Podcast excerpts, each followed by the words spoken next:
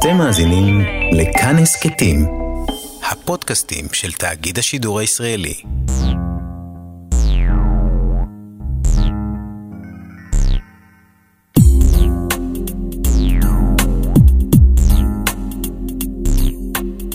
ההיסטוריה האנושית מלאה בדמויות מסתוריות שהשפיעו על ושינו את חייהם של רבים מהקהילה בה חיו. הן היו מסתוריות כי נעלמו כמעט כמו שהופיעו, מעט מאוד היה ידוע על חייהן, ובדרך כלל, אולי מחשש, אולי מסיבות מסתוריות אחרות, הן שמרו בקנאות פנאטית על פרטיותן. דמויות מסתוריות שכאלה הולידו מיתוסים גדולים. משושלת המלכים העתיקה של אנגליה, שהכתיבה סיפורים שנויים במחלוקת עד היום על המלך ארתור ואבירי השולחן העגול, ועד ולאד צפש המשפד, המכונה דרקוליה, שליט ולאחיה במאה ה-15, ושעל פי דמותו נברא דרקולה.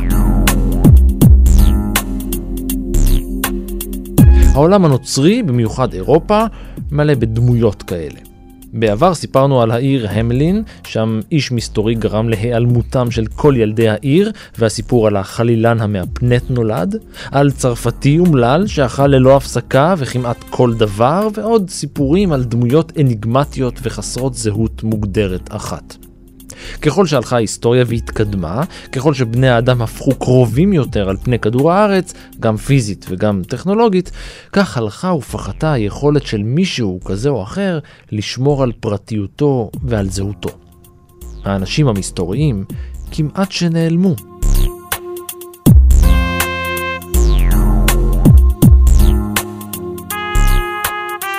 אחד השרידים המסתוריים האחרונים בעת המודרנית הוא מר שושני, מורה צרפתי, כנראה, שאף אחד לא מסכים על זהותו.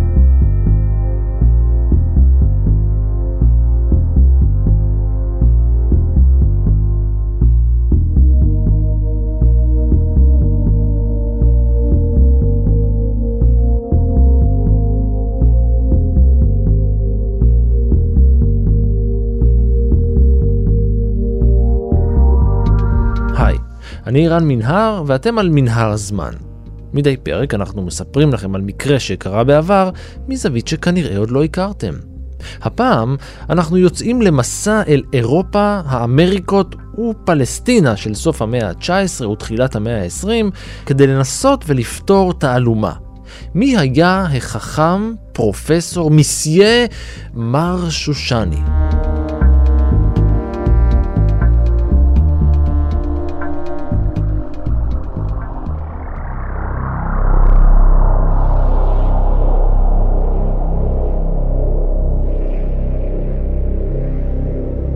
המאה ה-19 הייתה המאה של התרחבות התודעה והרחבת הדעת. במשך עשרות שנים צמחו להם מאות אנשים משכילים שצברו מיומנויות שונות ומגוונות במגוון תחומים, בעיקר אינטלקטואליים. במשך תקופה ארוכה, ובמקומות רבים ומרוחקים זה מזה, נראה כי האנושות עשתה צעד גדול קדימה, כפי שהיא עושה מדי כמה מאות שנים. אחד מהמרכיבים בהתפתחות הזאת הייתה תנועת ההשכלה.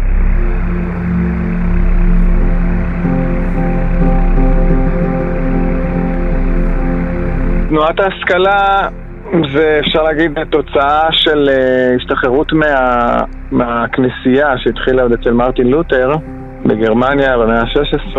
זהו ספי גלצהלר, מייסד בית המדרש הרוח הגדולה ומרצה ליהדות אוניברסלית. התפיסה הייתה שאנשי הדת, מדובר על הנוצרים בעיקר, שהם uh, שולטים במוחות של ההמון ולא נותנים להם להשכיל. כי אם ישכילו, אז הם אה, אולי יבינו דברים שלא כדאי שהם יבינו. כמו למשל אה, מכירה של שטחים בגן עדן תמורת כסף, דבר שהכנסייה עשתה באותה תקופה, זה נשמע פחות הגיוני לאדם משכיל, אבל לאדם אה, מאמין ולא משכיל נשמע וואלה סביר. היציאה הזאת מהכנסייה הקתולית בסופו של דבר התגלגלה למהפכות, מהפכה תעשייתית, מהפכה אורבנית וכולי, ופשוט האנושות המערבית התחילה להתפתח בקצב מאוד מהיר, כשהייתה איזושהי הבנה שההשכלה זה הדבר המרכזי, ההשכלה זה, זה האור, זה הדת החדשה.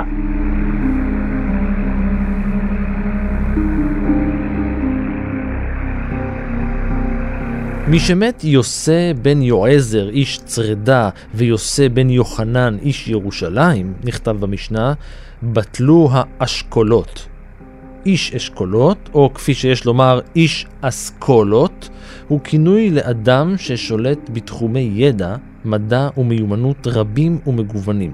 אדם לאו דווקא משכיל, אבל יודע הרבה מאוד על הרבה מאוד דברים, ושולט בהם בצורה רחבה ביותר. מעין ליאונרדו דה וינצ'י.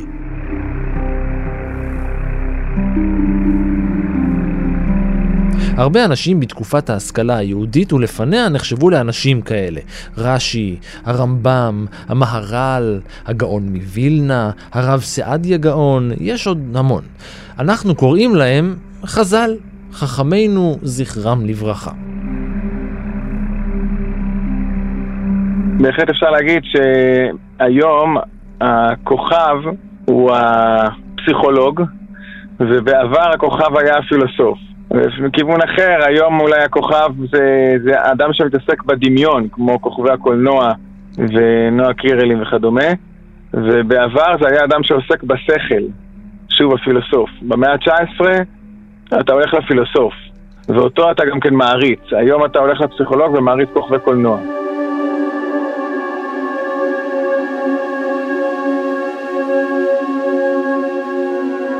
בשנת 1995 הלך לעולמו הפילוסוף עמנואל לוינס.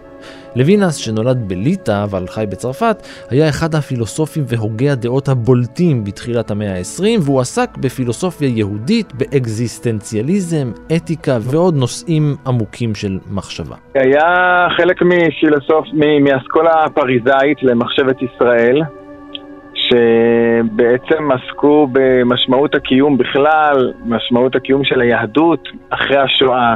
לאחר מלחמת העולם השנייה הוא פנה ללמוד תלמוד. הוא לא עשה את זה באופן ממוסד, לא בישיבה או במסגרת אחרת, אלא פנה למורה פרטי. השואה וכל הנפילה של העולם שלפני מלחמת העולם השנייה, זה הדבר שמאוד מאוד נוכח אצל, ה, אצל ההוגים האלה בכלל, אצל וינס בפרט, אה, במיוחד שגם היה לו אה, מורה שהיה בסופו של דבר נאצי.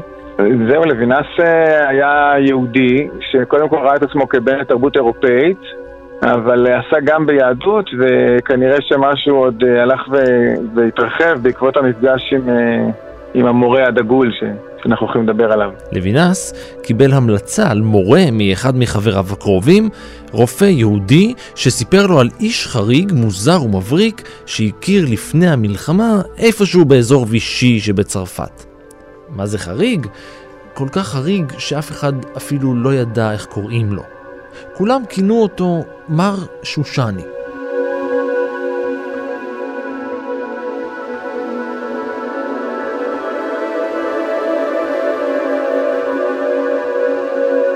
החבר סיפר על מר שושני בהתלהבות כזאת, כאילו הוא גרופי שלו, מעריץ של ממש. אבל לוינס לא התפתה. במשך שנתיים הוא לא הסכים להיפגש עם מישהו שאינו חלק מהאקדמיה המוכרת. רק בשנת 1947 השניים סוף סוף נפגשו. אחרי פגישה של לילה שלם, לוינס נפל בקסמיו של מר שושני. הוא החל ללמוד אצלו תלמוד. אומרים שכשהוא יצא, הוא אמר לחבר הזה, שקראו לו דוקטור הנרי נרסון, הוא אמר לו, אני לא יודע מי זה האיש הזה, על שושני, אני לא יודע מי זה האיש הזה, אבל כל מה שאני יודע, הוא גם יודע. ומר שושני הזה היה אחד האנשים המרשימים ביותר שלוינס פגש מימיו. חוץ מהחזות שלו, שעל פי כמה עדויות הייתה לא ממש נעימה למראה, האיש החזיק ידע פנומנלי בכמות בלתי נתפסת. הוא לא היה קורא מספר, והייתה לו יכולת הבנה בלתי ניתנת להסבר. הוא ידע את כל התלמוד בעל פה, זכר מונחים ומושגים מורכבים, והשאיר על לוינס רושם עז ביותר. הוא ממש העריץ אותו. לוינס הוא חלק מתופעה מעניינת שתלמידים ענקיים של שושני, לוינס, ויזל, שלום רוזנברג ועוד, הם יודעים לדבר עליו, אבל בעיקר על האישיות שלו, האישיות הפלאית, המוזרה, ולא כל כך יודעים להגיד ממנו תכנים, זה כאילו שהוא... אה, וזה כבר ממש אה, נכנס פנימה לדמות והאישיות שלו, הוא היה, הוא היה פלאי, מפלצתי, מלאך ושטן גם יחד, והיה משחק בשומעים שלו, לוינס אה, מביא שהעיקר הוא שהמשמעות שעולה מהטקסט שווה את המאמץ שהושקע כדי לחשוף אותה. ומוצאים אצל לוינס הנחות יסוד בפרשנות שלו לתלמוד, שהן בעצם מתבססות על שושני, ולוינס ידוע שהיה לו גישה ככה מיוחדת, יש לו את הקריאות התלמודיות, והעיקר בהם זה בעצם התייחסות לכל טקסט במשמעות הרחבה ביותר שלו, וזה מכמה בחינות. אחת, כל טקסט בתלמוד, אז צריך להבין על מה הפרק מדבר, על מה המשנה קודם כל מדברת, על מה הפרק כולו, ובסוף גם על מה המסכת מדברת, ואז להסתכל על כל דבר קטן בהקשר הכולל. דבר נוסף, כשהגמרא מביאה מקור מפסוק או, ממקור, או ממקום אחר בתלמוד, בש"ס, אז ללכת אל אותו פסוק, או אל אותו מקור בש"ס, ולראות גם אותו בקונטקסט הרחב שלו, ואז להשוות. ואז אתה לפעמים מקבל דברים שלא ראית לפני כן.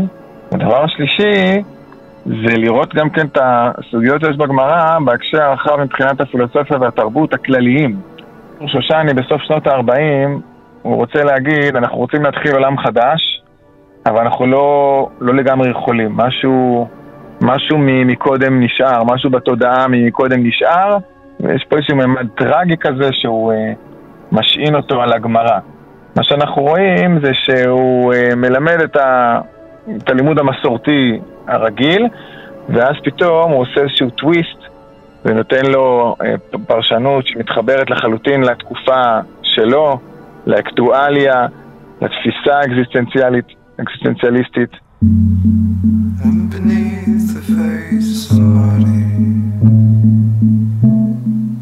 מר שושני היה אדם מרשים בידיעותיו. כשנפגש פעם אחת עם הרבי מסאטמר בפריז, אמר הרב לאחר הפגישה, אני יכול לתפוס שאדם יודע כל כך הרבה, אני פשוט לא מבין איך אפשר להבין כל כך הרבה.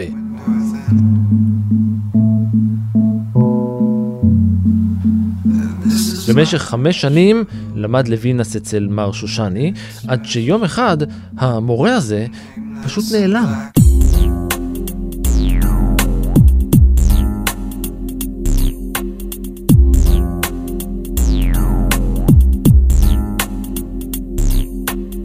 בשלב הזה אנחנו לא יודעים הרבה על האיש. אנחנו לא יודעים אם הוא היה צרפתי במקור, או אפילו לא את שמו. מה שאנחנו כן יודעים למשל, זה שהוא ידע כמה עשרות שפות, גם עתיקות וגם מודרניות. שהוא היה מתמטיקאי, שהוא היה פיזיקאי וגאון מדעי. שהרב הראשי לישראל, הרב קוק, פנה אליו בתואר רבי, אלופי ומיודעי.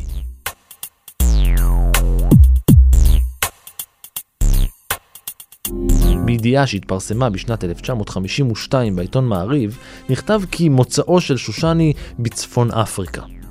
תכף נבין למה זה לא נכון. התעסקותו היא היותו מטיף באחד מבתי הכנסיות הקטנים בפריז הבירה. ככה נכתב בידיעה.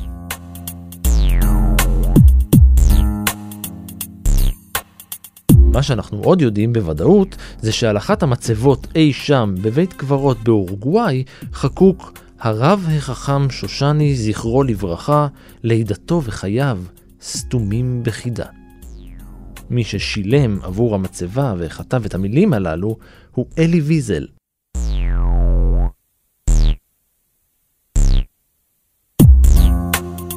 טוב, אלי ויזל, אנחנו יודעים שהיה אה, ניצול שואה והיה היה פעיל גדול באמריקה, נפטר לפני כמה שנים. אמ, חתן פרס אה, נובל, וסופר גדול, איש דגול בקיצור. איך הוא פוגש את, את אה, שושני? הוא יושב ברכבת ואומר, אני הייתי שקוע בראש באיזשהו סכסוך בין אנשים, אבל, אבל הייתי צריך להעביר שיעור בשבת על ספר איוב, וזה היה נוהג כזה שכל פעם מישהו מעביר שיעור בשבת וזה, והוא אומר, אני אה, יושב ברכבת, וככה עובר על הספר איוב, ופתאום הוא אומר, מישהו מדבר אליי ביידיש בקול צרוד וצורם. הוא אומר, וואלה, את האיש הזה ראיתי פעם באמת, בביתה של איה סמואל באיזשהו מקום בליון. הוא אומר, הוא היה לבוש ברישול, והיה לו כובע קטן מגוחך ומשקפיים מאובקים הבליטו אותו. והוא אומר, האיש הזה קורא לי, אומר, בואי נא, יש מקום. אני לא זזתי, הוא בא והתיישב לידי. הוא אומר לי, מה אתה קורא? כאילו לא... אומר, כאילו הכרנו שנים. ובלי שחיכה לתשובה, חטף את הספר, הציץ בכריכה, הלעל בדפים והחזיר לי. הוא אומר לו, שושני ככה במהירות עובר על הדפים, אומר לו, יש פה רק דבר אחד של ערך. הפירוש החדשני שאמרת על הפסוק החמישי בפרק ה'. בקיצור, הוא מתחיל לשאול אותו למה אתה הולך עם ספר איוב, אז הוא מגמגם, הוא אומר לו, צריך להרצות עליו מחר, הוא אומר לו, אתה מלמד את איוב, אתה? אז הוא אומר, אני קצת צריך לספר עליו. אז שושני אומר לו, אם, אם, אם אתה מכיר את הנושא, אז ויזל אומר לו, כן. הוא אומר לו, למדת אותו היטב? אז הוא ככה מתחיל להיזהר, הוא אומר לו, אולי לא מספיק טוב. בקיצור, הוא מתחיל ל, להתנגח בו, הוא מתחיל לדבר, לדבר, לספר לו על איוב, ובקיצור מראה לו שהוא לא מבין כלום.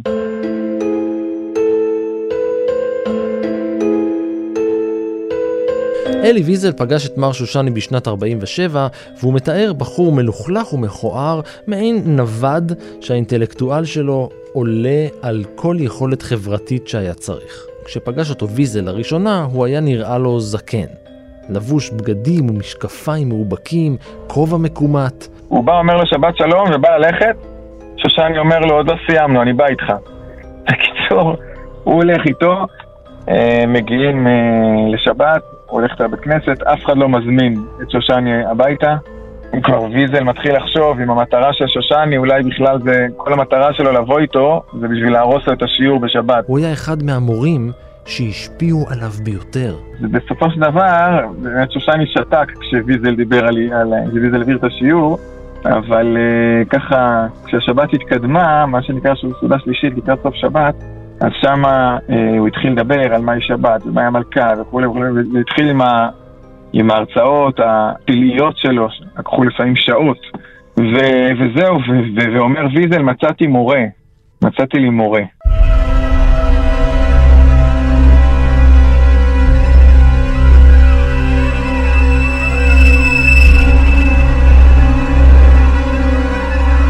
בשנת 52 עזב שושני את צרפת על אונייה ויצא לכיוון ישראל. על האונייה הוא היה כוכב. כולם רצו להיות בחברת הגאון, וכמה נושאים רבי מעלה וכיסים עמוקים הציעו לו סכומי כסף אדירים להקמת בתי לימוד בהם יפיץ את חוכמתו בארץ הקודש. אולם שושני לא הסכים לאף הצעה. הוא ירד מהאונייה בחיפה והסתובב ברחבי הארץ במשך כמה שנים. אבל למרות זאת, אחרי ארבע שנים בארץ, חזר שושני לאירופה לכמה חודשים, ואז עזב שוב, הפעם לדרום אמריקה, שם הוא התהדר בשם בן שושן. אכן, השם שושני קשור איכשהו במילה שושן, רוז, או שושן, הבירה. על פי ויזל, שושני גילה לו כי שמו הפרטי הוא מרדכי. מרדכי בן שושן, או מרדכי שושני. אולי גם זה היה רק מסך עשן, ושמו האמיתי הוא מרדכי רוזנבאום.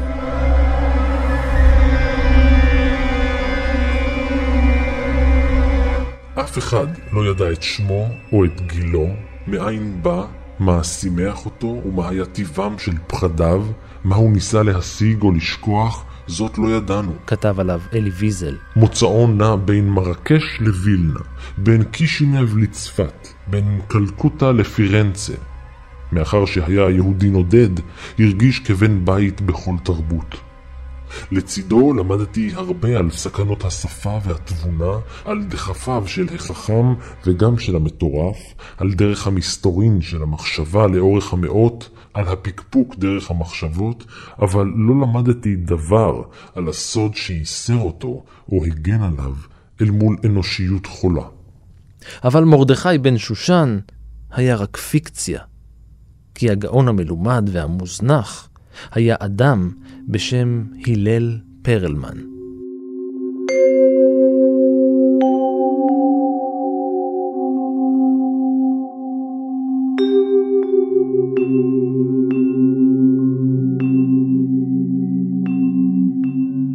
תעלומת מר שושני נשארה בגדר תעלומה כמעט עד היום. בשנת 2015 ערכה דוקטור יעל לוין מאוניברסיטת בר אילן מחקר המתחקה אחר זהותו וייחוסו המשפחתי של מר שושני. על פי המחקר של לוין, היהודי החכם נולד בברסט, הלוא היא בריסק שבבלארוס, אז חלק מהאימפריה הרוסית.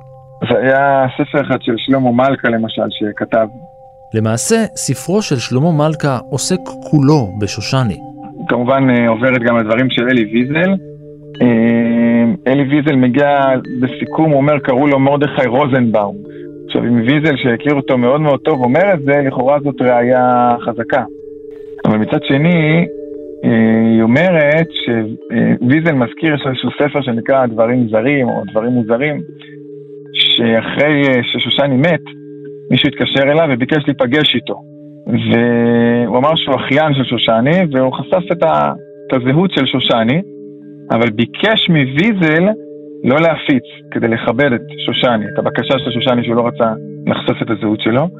אולי צריך להדגיש, זה היה אלי ויזל שביקש שלא לחשוף את זהותו למרות שידע אותה.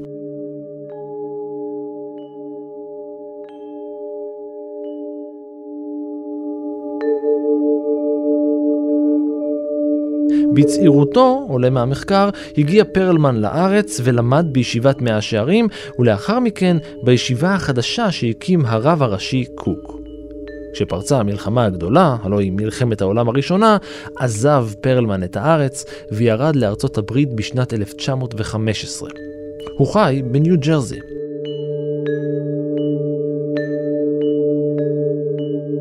שנתיים לאחר מכן הצטרפה אמריקה למאבק העולמי כשהכריזה מלחמה על גרמניה. כל הגברים הכשירים שחיו בארצות הברית חויבו להירשם בלשכת הגיוס ולהיכנס לכוננות גיוס. ביוני 1917 נרשם הלל פרלמן וחתם על הטפסים. הוא הצהיר כי נולד בירושלים ומקצועו היה רב. מי שחשפה את תעודת הגיוס הייתה דוקטור יעל לוין. דפקתי איזשהו כנס עליו, ובמסגרת הכנס אני גם הרציתי והראיתי תמונות, אה, זה גם במקור, אני חושב, מיעל לוין. אה, יש תמונה של שושני שהוא מבוגר, יש תמונה שלו שהוא ככה בערך בין 30, אה, 40, ויש תמונה של הלל פרלמן שהוא בערך בשנות העשרה לחייו. והתמונה של שושני כשהוא בן 30-40 הרבה יותר דומה לתמונה של פרלמן מאשר של, של שושני עצמו כעבור כמה עשרות שנים.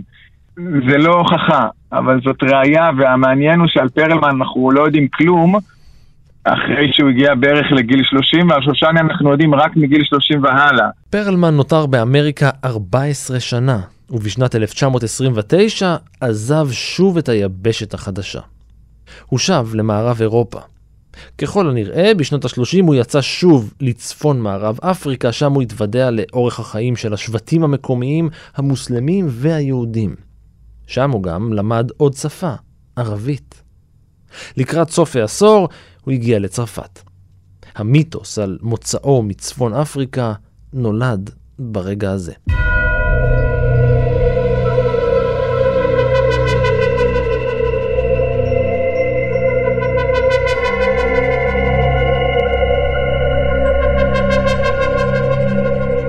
במהלך מלחמת העולם השנייה, בשנה בה נפלה צרפת לידי הנאצים, היה פרלמן בפריז. כיוון שהחשיב את עצמו אזרח העולם הגדול, לא היו עליו מסמכים מזהים כלשהם, והוא נעצר על ידי הגרמנים. כיוון שהוא היה יהודי נימול, הגסטאפו נדרך.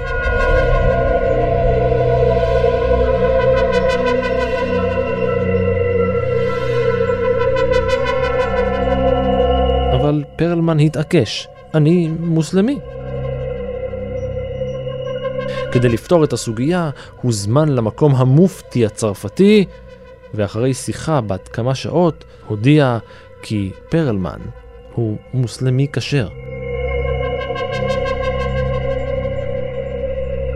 יש גרסה אחרת של פרופסור שלום רוזנברג שאומר שהוא ניסה לברוח מצרפת לשוויץ, עצר אותו שם קצין גרמני, אמר לו מי אתה? הוא אמר לו אני פרופסור למתמטיקה מגרמניה. אמר לו הקצין, אין לך מזל יהודון, אני עצמי פרופסור למתמטיקה. אז שושני לא מתבלבל ואומר לקצין, אני אשאל אותך שאלה, במידה ותדע לענות עליה, תירה בי. אם לא תדע את התשובה, תשחרר אותי מבלי לשאול שאלות נוספות. וההמשך ברור.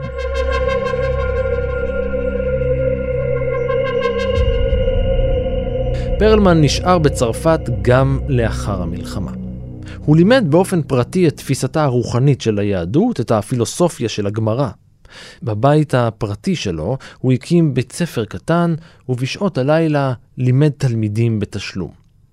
בתחילת שנות ה-50 כאמור, הוא הגיע לישראל, ובשנת 56, אחרי עצירה קצרה בצרפת, הוא המשיך לדרום אמריקה והקים בית במונטה וידאו. אנחנו יודעים שהוא לא רצה לנסוע לארצות הברית, כי הוא שם, הוא הפסיד את כל הונו במשבר של 29, והוא נשבע שהוא לא ידרוך שם. מר שושני לימד את תלמידיו בעל פה, אבל הוא השאיר אחריו מחברות כתובות בכתב יד בלתי קריא.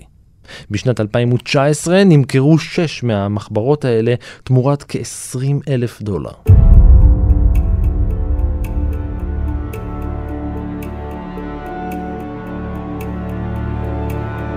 ב-26 בינואר 1968, במהלך סמינר באורוגוואי, הלך מר שושני לעולמו מהתקף לב. באחד מכיסיו נמצא פתק ועליו מספר טלפון של מכר בשוויץ. זו הייתה הזדמנות חריגה לגלות משהו על זהותו של מר שושני. אולם כששפורפרת הטלפון הורמה בקצה השני, התברר כי אותו מכר הלך לעולמו גם הוא יום קודם לכן.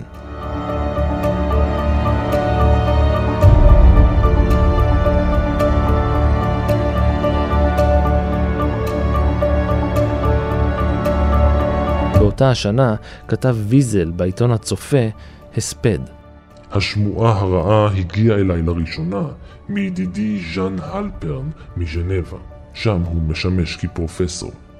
הוא כתב לי, שושני נפטר.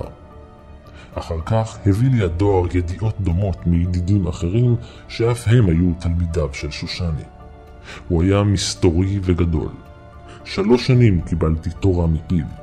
כל מה שאני יודע ובזכותו.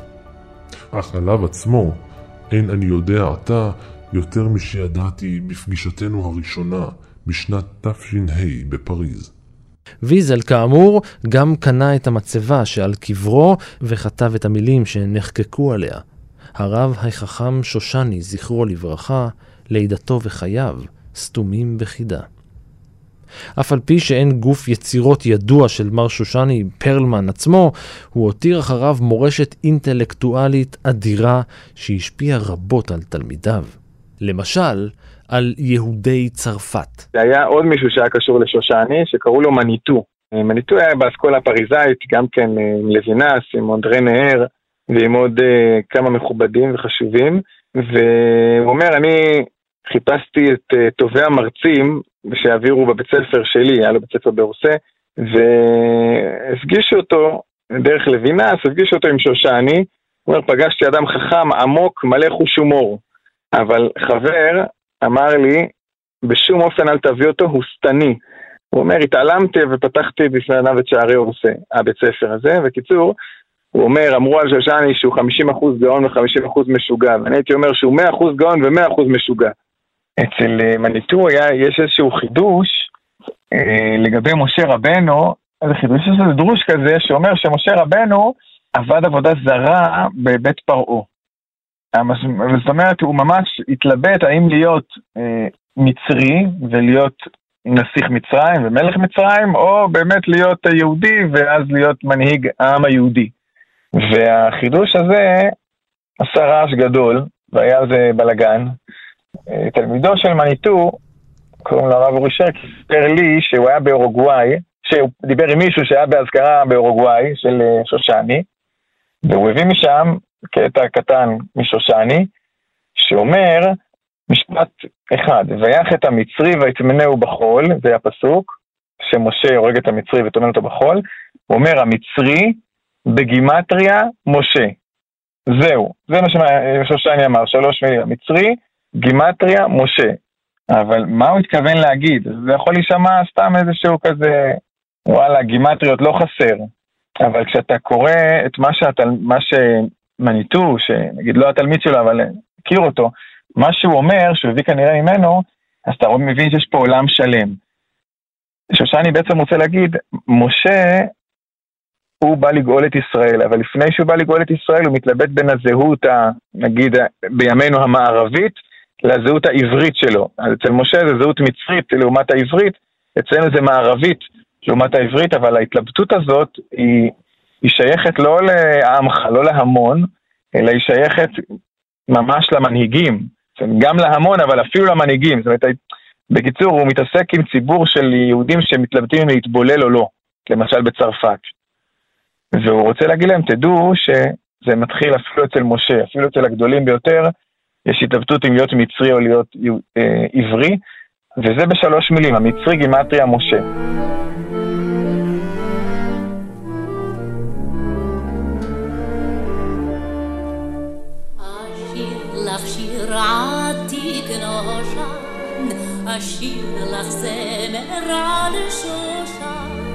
ועד כאן מנהר הזמן להפעם.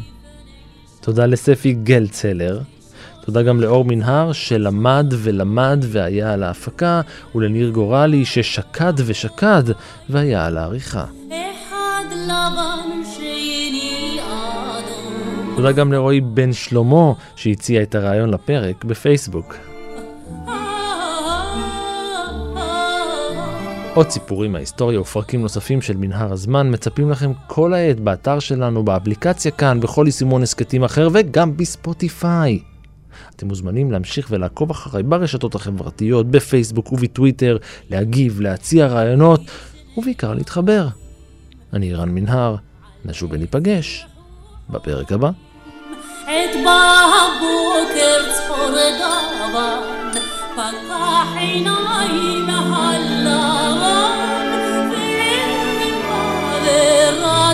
ועם